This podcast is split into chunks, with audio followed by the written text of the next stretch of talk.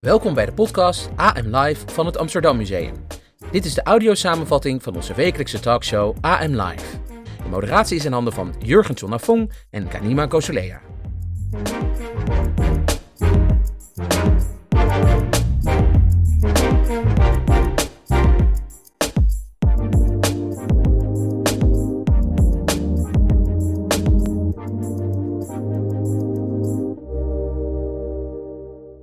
Welkom bij AM Live. In deze aflevering onderzoeken we op welke manieren je het verhaal van de stad kan vertellen.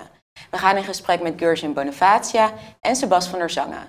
Ook kunstenares Xu Yang Zhao is bij ons te gast en we zijn met Jennifer Tosh van de Black Heritage Tours op pad geweest om te praten over welke symbolische betekenissen er achter de gevels van Amsterdam zitten. Maar we beginnen met een video waarin we samen met curator Annemarie de Wild afscheid nemen van een prachtig kunstwerk op een heel bijzondere plek in het Amsterdam Museum, namelijk het tapijt gemaakt door Barbara Broekman. Laten we kijken. Deze galerij is natuurlijk heel vaak veranderd in de loop van de geschiedenis. En dit wordt eh, nou ja, echt de laatste keer dat hij op een hele andere manier gebruikt gaat worden. Tijdens de Gouden Koets tentoonstelling komt het hier vol te hangen met eigentijdse kunstenaars. Die op allerlei manieren reflecteren op de Gouden Koets. Het is een hele bijzondere plek. Hij is eigenlijk heel slim bedacht door de architecten in de tijd, in, in, toen het hier het Amsterdam Museum kwam. Er zijn twee gebouwen met elkaar verbonden door er een dak overheen te maken. En daardoor krijg je een soort van binnenstraat.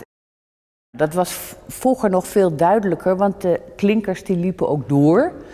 En uh, dus dat je echt het gevoel had alsof je van die binnenplaats naar dat uh, straatje, uh, straatje inliep. Nou, op een gegeven moment is, ja, is, is de ruimte natuurlijk ook heel erg van karakter veranderd doordat het tapijt er kwam.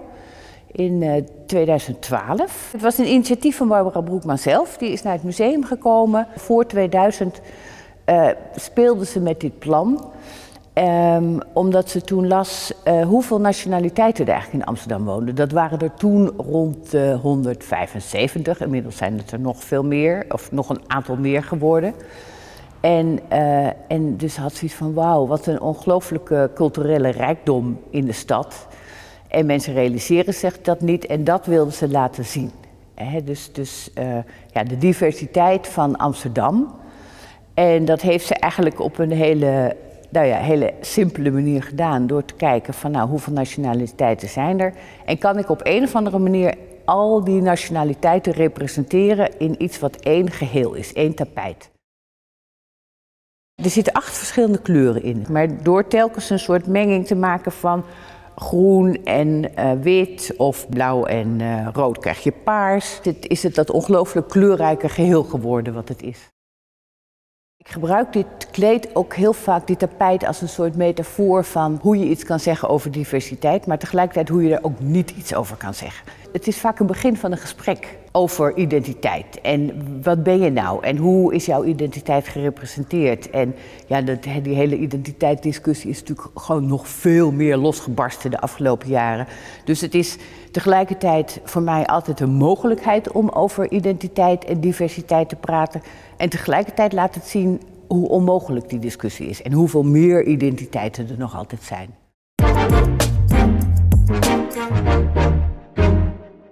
Allebei zijn ze een verbindende factor in de stad, maar dat doen ze op hele verschillende manieren. Aan tafel bij ons vandaag stadsdichter Gershon Bonifacia en hoofdredacteur Sebas van der Zangen. Superleuk dat jullie bij ons zijn vandaag om het te hebben over de verschillende verhalen die we vertellen in Amsterdam en hoe we die vertellen. Uh, om met jou te beginnen. Je bent stadsdichter ja. van Amsterdam, de stadsdichter van Amsterdam. Wat, wat houdt dat in, die taak? Ja, we, in de basis ben je, ben je verantwoordelijk voor stadsgedichten.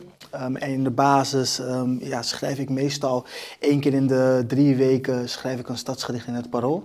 Um, en dat kan zijn een gedicht uh, over een thema die mezelf is opgevallen. Iets wat, wat, wat in de stad heel erg aanwezig is. Uh, en soms krijg ik een aanvraag van bijvoorbeeld de burgemeester of wat zo even. dus dat is in de basis wat, wat, wat ik doe als stadsdichter. en in de praktijk uh, ga ik in gesprek met verschillende organisaties. ben ik onderdeel van verschillende tentoonstellingen, openingen, et cetera, et cetera. En op die manier hoop ik de stad een beetje poëtischer te maken als het ware. Misschien de verschillende gezichten van de stad. Dus verschillende ook gezichten, zien. verschillende verhalen. Ik probeer stadsgedichten te schrijven waarin alle Amsterdammers zich kunnen herkennen. En uh, Sebas, jij bent hoofdredacteur bij de gemeente, als ik het goed zeg. En dat is eigenlijk een, een functie die je misschien niet zo snel zou verwachten bij de gemeente, maar die toch ook best wel het raakvlak heeft met wat Gersje net vertelt. Want jij vertelt ook heel veel verhalen over de stad. Hoe doen jullie dat? Nou ja, kijk, um, eerst van, je zegt van je zal het niet verwachten, maar de laatste tijd is, zien we eigenlijk dat um, nou, ook een gemeente maakt content. Hè, heeft een website, heeft social media. Uh, en daarop vertel je eigenlijk verhalen en dat doen wij ook. Want waarom is dat zo belangrijk voor de gemeente om verhalen te vertellen over nou, Amsterdam? Het is, het is, vooral belangrijk om met de Amsterdammer in contact te staan. Um, en dat doe je het beste eigenlijk door met Amsterdammer in gesprek te gaan en ook verhalen te vertellen eigenlijk um, die aansluiten bij de leefwereld van de Amsterdammer. En um, ja, is dat belangrijk? Ik denk dat tegenwoordig zeker de kloof ook tussen de overheid en de burger juist op die manier kleiner zou kunnen worden. Gershon, je bent geboren en getogen Amsterdammer. Uh, we hebben het afgelopen jaar gezien dat de stad ontzettend veranderd is, maar dat heel veel politiek geladen is. Hoe verhoud jij je tot die verschuiving in de stad, de gevoeligheden in de stad als dichter? Ja, dat is een lastige vraag. Ik, uh, ik probeer het niet direct daarover te hebben, uh, maar ik heb het daar altijd over. Ja. Um, dus het, het, is lastig. Um, en ik merk ook dat Ehm, bij elke onderwerp ehm, waar ik over schrijf, dat ik er heel goed over na moet denken. Uh, waarom, welke woorden kies ik en waarom. Uh, omdat ik toch merk dat er heel veel mensen op reageren. Heel veel mensen lezen het uh, nou, op Twitter, nou, je kent het wel. Um, en ja, op het moment dat ik een, vorige week schreef ik een, een, gedicht over de Ramadan. Nou, dan vindt die het weer niet goed. Nou, ik ben nu bezig met een kampioensgedicht voor Ajax. Nou, dat vindt die weer niet goed. en op die manier merk je dat, ja, dat iedereen er altijd wat van vindt. Maar hoe probeer je dan dus die verschillende meningen eigenlijk te horen te krijgen? Hoe ga je dan van tevoren dat onderzoekende gesprek aan met die Amsterdammers? Als je ja, eigenlijk wel, eigenlijk wel. Dus um, eh, vorige week schreef ik het, uh, schreef ik het Ramadan-gedicht. Um, en dan ga ik in gesprek met mensen die vasten. Waarom vast je? Hoe ziet deze maand er voor jou uit in deze periode? Um, en um, dat zijn uiteindelijk de mensen dan die basis zijn voor het gedicht. Maar, maar, maar als je weet dat er heel heftig wordt gereageerd op een aantal vragen, of een aantal gedichten, censureer je jezelf dan ook? Schrijf je over een aantal dingen niet omdat je weet dat er zoveel reactie op komt? Je, je, je hoopt natuurlijk als kunstenaar, hoop je daarin uh, dat, dat niet mee te nemen. Uh, maar ik ben daarin toch wel ja, net wat voorzichtiger. Ik ben niet echt een, een, een, een, een ja, een dichter die, die, die echt de grenzen opzoekt. In ieder geval, in, in hoeverre er grenzen zijn. Um, maar ik, ja, ik probeer daar gewoon uh, met mensen over te praten. Um, ik, ik denk heel goed na over wat voor stadsdichter wil ik zijn. Um, en op het moment dat ik iets vind en ergens voor sta, dan ben ik niet bang om dat dan ook te benoemen. Waar schrijf je niet over? Waar ik, waar ik niet over schrijf, ik denk direct over politiek. Mm -hmm. um, ik vind het heel erg lastig om over uh, eh, LGBTQ community te schrijven. Waarom? Ja, je wilt het goed aanpakken en, en de juiste materie gebruiken. En ja, ik heb dat tot nu toe ben ik daar nog niet zo ver gekomen.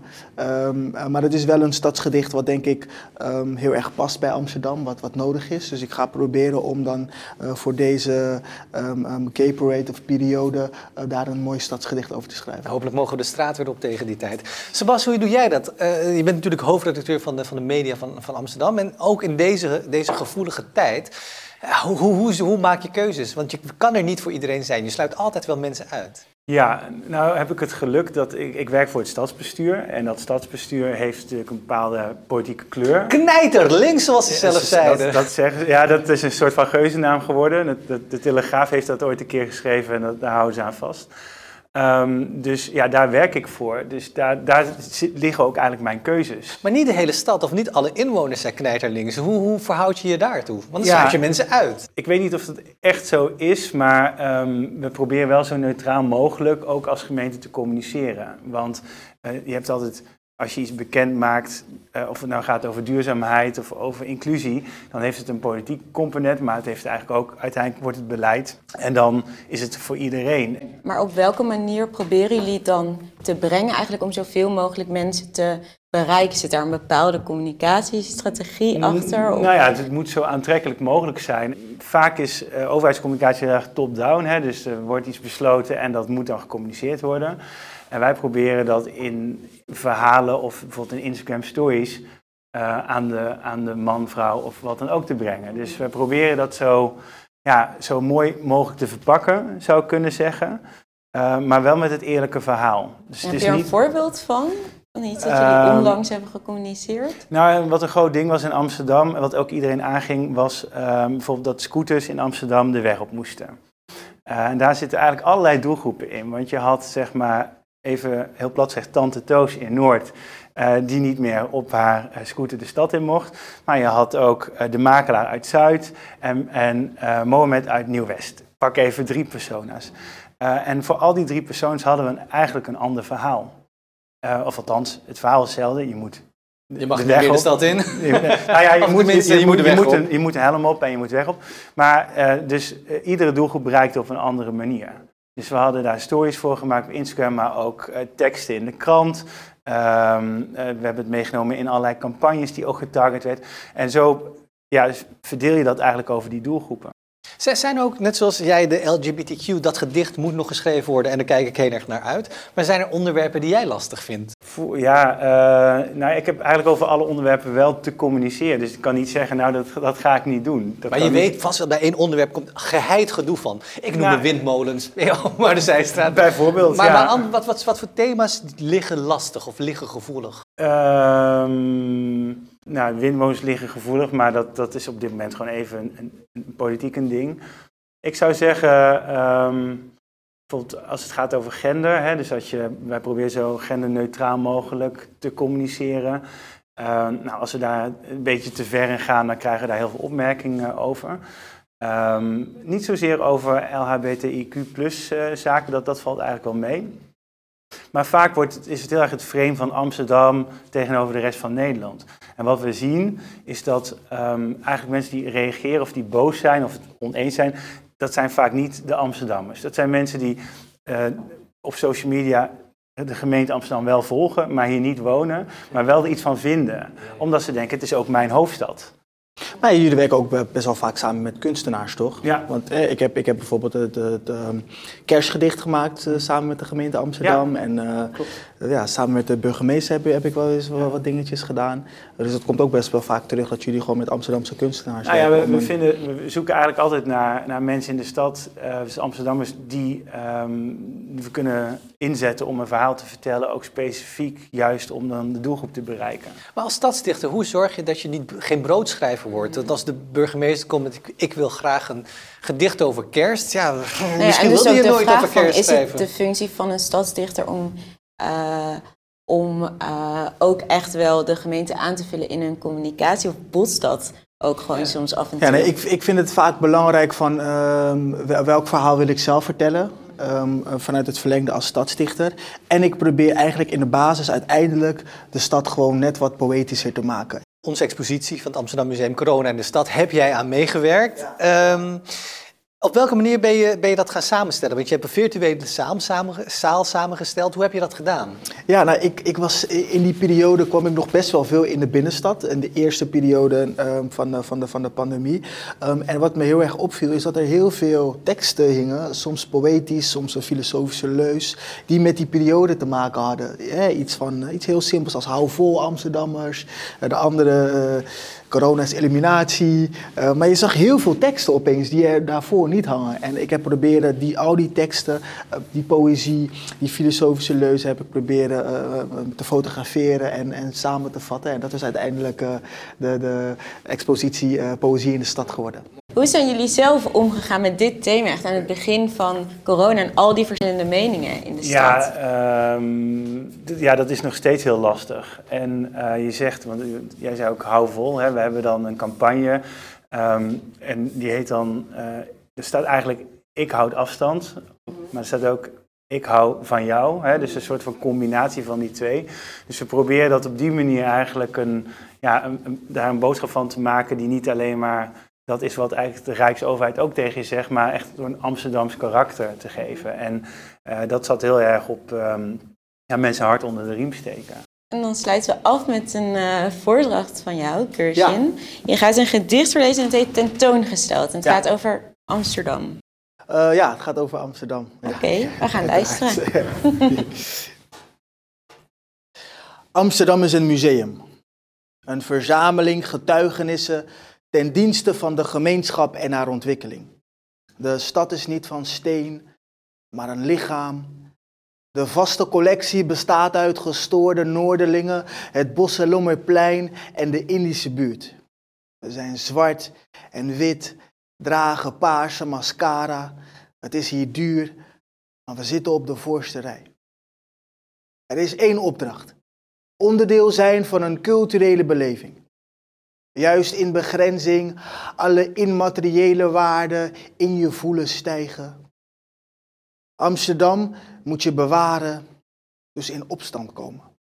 Vraag het aan de boys uit Holendrecht. Ze zullen zeggen, we zijn een expositie. Een permanente tentoonstelling gewijd aan een kunstenaar die ooit is vertrokken. Een man met een schuld. Een kind dat vroegtijdig is verlaten. Amsterdam is een kampvas. Overal nog sporen van een oude compositie, maar wel voldoende ruimte. Kleuren moet je. Dat je kan zeggen, de stad die is ook van mij. Dankjewel. Prachtig. Dankjewel. Dankjewel Gershon en Sebas voor het komen. Samen met Jennifer Tosh van de Black Heritage Tours duiken we nu de stad in. Vanuit de omgeving van het Amsterdam Museum laat zij ons zien hoe de koloniale beeldtaal terug te vinden is. We kijken met haar naar de achterkant van het paleis op de Dam en zien hoe dit overeenkomt met de beeldtaal die ook op de Gouden Koets terug te vinden is. Laten we kijken. What makes these symbols, I think, really iconic and important now in the study of colonial history now is that it clearly shows how race played a part in the establishment of the nation state. You know, we organized by the differences and people that were colonized, war that was waged, invasions uh, abroad were represented in a lot of these symbols too. Well, where we are now is looking at the uh, the back side of the, what is now called the Royal Palace, but the building was actually built as a city hall, the Stadthaus, in 1648 when the construction began. It was a very important time. It was the end of the Eighty Years' War the rise of the Dutch Empire. So, of course, again, building uh, monuments and structures that symbolize this this this uh, celebration of of its uh, of itself. And on both sides of the Stadthaus, you see the timpan. So, starting from the top symbol, the Atlas, the Greek uh, god of the world, holding the world on his shoulders. This is a very common symbol of empire, where you see this idea of the burden of, of the world is on the shoulders of Europe. Below the cog of the ship is the female Virgin of Amsterdam. And we'll see her, this idea of the female body representing the nation state. And she is holding her hands out to symbolize the treasures from all around the world. So at that time, in the 17th century, the four known continents, Africa, Asia, Europe, and the Americas, are all visible in the timpan. And on each side, you see symbols that you know don't come from the Netherlands because we didn't have camels or lions, right? So they had to represent somewhere else. And each continent is symbolized by Asia, the one of holding the camel in his hand with the turban. A lot of these symbols of Moors on buildings usually have a turban or a crown. On the far right, you see the Native Americans with the headdresses on. They're holding one of them is holding a pipe, tobacco pipe, to symbolize tobacco that was produced and brought also into the nation. On the left, you see Europe represented by the woman holding the cornucopia of fruit in her hand, the fruits and the treasures being brought to Amsterdam. And on the far left is Africa, the African woman holding a head of a lion, standing in front of a head of, the, of an elephant, a child, an African child holding a parakeet. So again, all these iconic symbols to represent empire. This was the organizing principle that laid the foundation. How do we know we were Europe? Or how do we know we were Dutch? Comparing ourselves to the people we saw as inferior, as subjects, as pagans, as etc., etc. And this is reproduced throughout the colonial architecture, and you see it over and over again. So the problem with denying that these are all connected is, in a sense, saying you don't want to see it, that it's a sort of willful ignorance that you rather not know, because what does it say about us?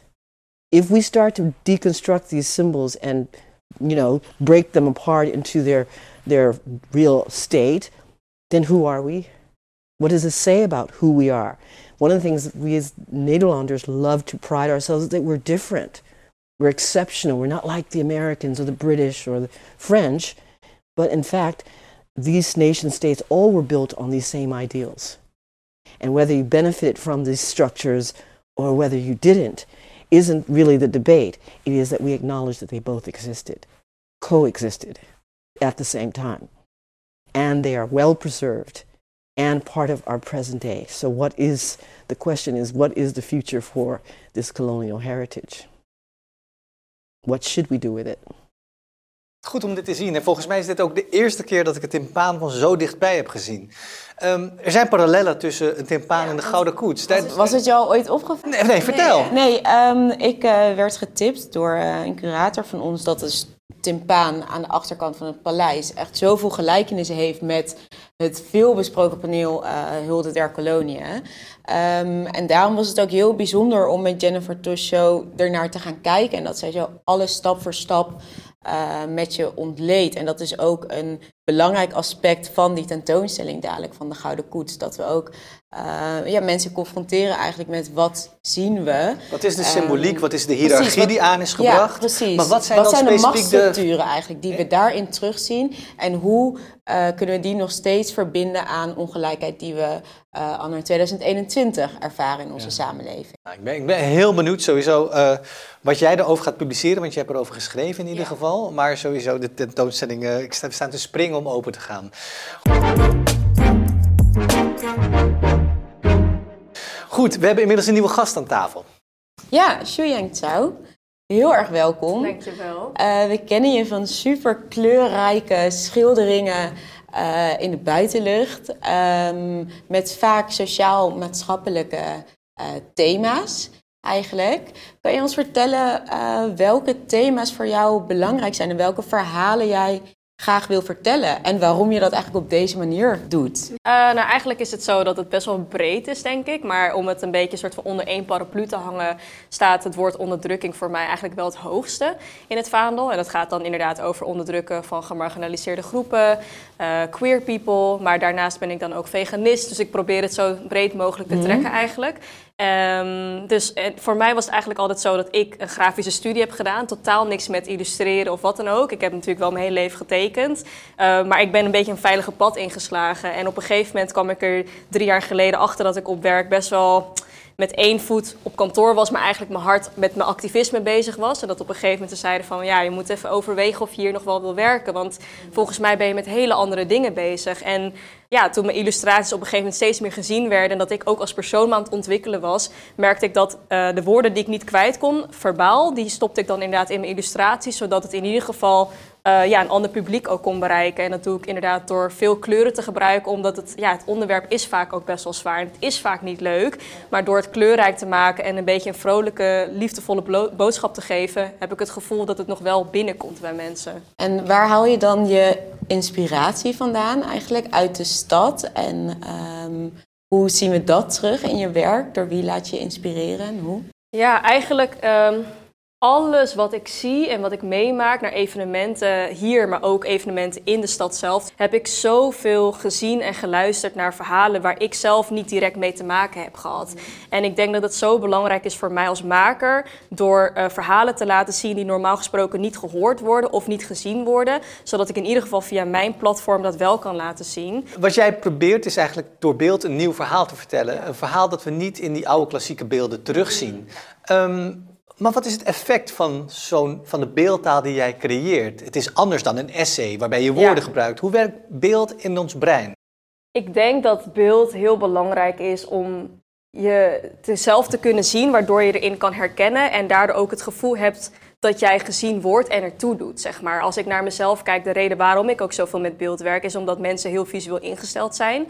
En uh, dat ik in mijn hele levensjaren nooit echt representatie heb gezien. Als ik echt kijk naar Chinese mensen die al langer dan 100 jaar wonen in Nederland...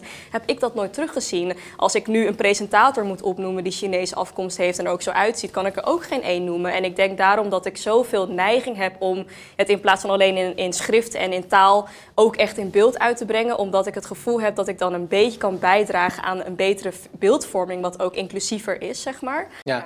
En je hebt een heel groot werk gemaakt voor de Tolhuistuin. Ja, Kan je daar iets over vertellen? Ja, zeker, zeker. Eh, nou ja, eigenlijk begint hij links eh, en daar staat dus eigenlijk een zwarte vrouw die een zwart kindje op haar draagt. En er staat ook een boekje bij van Anti-Racist Baby. En dat gaat eigenlijk heel erg over eh, ja, de Black Archives, waar ik super veel van heb geleerd. En de educatie die zij overbrengen, ook vanuit hun Instagram-platform, maar ook natuurlijk vanuit hun museum. En daarin probeer ik eigenlijk heel erg de zwarte vrouw neer te zetten als een moeder die liefde draagt zeg maar, voor het kind. En eh, weet je, ook maar probeert om door de dag heen te komen. En dat ze haar kind probeert te beschermen door die educatie mee te geven. En hoe belangrijk het is dat we leren om antiracistisch op te voeden, zeg maar alleen al. Zodat we uiteindelijk een samenleving kunnen krijgen waarin dat meer gelijk getrokken wordt. En waar je ook meer begrip voor elkaar kan hebben door die educatie te hebben. Eh, dus dat is echt het linkerste beeld. En als hij dan zo overzweeft, eh, gaat hij echt naar een queer koppel, waarvan eh, de linker dan een Oost-Aziatische man, of nou, ter interpretatie gebruik ik altijd eh, ja, on, on, onechte huidskleuren eigenlijk. En dan heb ik de, de persoon die he- hem kust, heeft een transvlag hier op zijn, op zijn arm. Waarin ik ook wil laten zien van daar, weet je, dat zijn ja, twee geliefdes die van elkaar houden. Dat is allemaal liefde, dat is totaal niks raars. En eh, als, eh, daarna zit er dan zo'n eh, protestbord waarin staat Safety Earth of zo. Ik kan het niet eens lezen vanaf hier omhoog, zijn beetje slecht. Maar ja, dat gaat natuurlijk over ja, de klimaatmars en hoe we in Amsterdam klimaat heel erg hoog hebben zitten. En dat we daar nog ja, intens voor willen strijden eigenlijk. En als laatste zie je eigenlijk een knipoog naar Verdedig Noord, waarin een witte oudere man wordt, ja, door, in de rolstoel wordt begeleid eigenlijk door een vrouw met een islamitische achtergrond. Eh, en dat is eigenlijk vooral omdat Verdedig Noord eh, ja, heel erg sta- staat voor inclusief zijn en ook samen het doen. Dus maakt niet uit waar je vandaan komt, dat iedereen te eten heeft, dat iedereen een dak boven hun hoofd heeft. En ik denk dat het zo belangrijk is om ook die ehm, samensmelting te maken tussen ouderen en jongeren. En dat we, weet je wel, elkaar allemaal willen ondersteunen. En zolang er vanuit angst en haat wordt gehandeld, dat je dat dan niet meer ziet. Ehm, En is het daarom misschien dan ook voor jou eh, van belang, vooraf, eh, voorafgaand aan het maken van zo'n groot werk eh, over de toekomst van Amsterdam, om ook in gesprek te gaan misschien met mensen die het juist oneens zijn met jou, om je daarmee te voeden, om tot een nieuw werk te komen? Of ehm, oneens in de zin van dat ze echt mijn visies en zo dergelijke niet eh, mee eens zijn. Zeg maar. Ja, want we hebben Ja. dus bijvoorbeeld in deze aflevering in een eerder gesprek eh, ook met eh, onder andere Gershon gehad over dat hij soms ook juist negatieve Mm. kritiek krijgt op zijn stadsgedichten die hij maakt. En dat hij dat dan ook juist wel als voedingsbron kan gebruiken om die Oh. discussie mee te nemen in een nieuw werk. Oh ja, zeker. Kijk, uiteindelijk denk ik zo dat als je verbaal eh, je, je publiekelijk uitspreekt, zal je hoe dan ook altijd wel negatieve opmerkingen krijgen of re- tegenreacties, zeg maar. Durf jij alles te tekenen? Vind jij dat alles, eh, alles Ja. getekend mag worden? Ja, zeker. De grap, nou, ik wil wel een grappig verhaal vertellen misschien over. Is dat ik toen ik klein was, eh, was ik altijd heel erg geobsedeerd met wat ik zag, weet je wel. En ik was ook geobsedeerd naar dingen die misschien voor kinderen niet oké waren. Bijvoorbeeld als we het hebben over seks. Toen to- tekende ik vroeger al seksende mensen. Of dan tekende ik de begrafenis van mijn, van mijn oma. En dan tekende ik dat helemaal uit dat ze onder mieren werd gegeten. En mijn moeder, een Chinese moeder die dat dan ziet, die vindt dat heel schrikbarend. Want in de Chinese cultuur waarin ik ben opgegroeid, is het niet vanzelfsprekend dat je over dat soort taboe onderwerpen praat. En dan ziet ze dat haar kind van zes jaar dat al aan het tekenen is. Dus voor mij is er eigenlijk helemaal geen schaamte. Ik wil juist die schaamte weghalen en over dat soort dingen kunnen praten. Maar ik merk wel door een platform als Instagram te gebruiken, wat natuurlijk heel erg ja, censored, zeg maar, kan je niet alles altijd even laten zien. Eh, en soms zijn er ook klanten die net wat minder die, ja, die stappen durven te nemen. Dus dan moet je weer een tandje lager zingen wanneer je een tekening hebt gemaakt wat net iets te provocerend is. Ja, maar je bent niet bang voor de publieke opinie waardoor je jezelf censureert. Nee, nooit. Nee, omdat ik het gevoel heb dat ik mijn hele leven lang al gecensureerd ben. In mijn hele zijn denk ik van nee, dat is genoeg geweest. Nu spreek ik mijn waarheid. En iedereen die dat niet oké mee is, dan wil ik best wel aanhoren. Maar ik ga niet mezelf daarin tegenhouden. Want juist als ik dingen maak die achteraf bijvoorbeeld niet door de beugel kunnen, kunnen het erover hebben. En als ik het niet had gemaakt, had ik me daarvoor al laten ja, belemmeren eigenlijk. Ja, ja. Wat is het eh, volgende project waar je mee bezig bent? Wat, wat kunnen we verwachten? Nou, ik mag het nog niet zeggen helaas. Maar het gaat in ieder geval wel echt met Pride. eh, zijn er een paar winkels waar ook echt hele mooie beelden van mij komen. Dus daar ben ik eh, heel dankbaar voor. Heb ik heel veel zin in ook, ja. Heel benieuwd. Ik vind het jammer dat je nog niet helemaal kan Nee, delen wat het ik is. ook, jammer. Gershwin is met For Pride bezig met een, met een gedicht. Jij bent, eh, jij bent ook in die zin te zien. Dus misschien moeten we wel een Pride-editie van I Am Live gaan doen. Dat lijkt me wel heel erg interessant. Dat is een goeie. Dat vind ik een hele goeie. Nou, dank in ieder geval voor je aanwezigheid. En we houden zeker je werk in de gaten. En we hopen je weer hier te ontvangen. Want het gesprek met jou is altijd interessant. Dus dank daarvoor. Dankjewel. Eh, dank ook aan alle andere gasten. En met dit gesprek zijn we aan het eind gekomen van deze aflevering van AM Live. Ehm, dank aan jullie, luisteraars en kijkers. Volgende week, donderdag, zijn we er weer. Dus kan je weer ons zien en hebben een Koningsdag special. En eh, dat is ook, zullen we delen op onze gebruikelijke kanalen. En op 6 mei zijn we terug met een nieuwe aflevering van AM Live. Dus ik hoop jullie dan weer te zien. Tot ziens.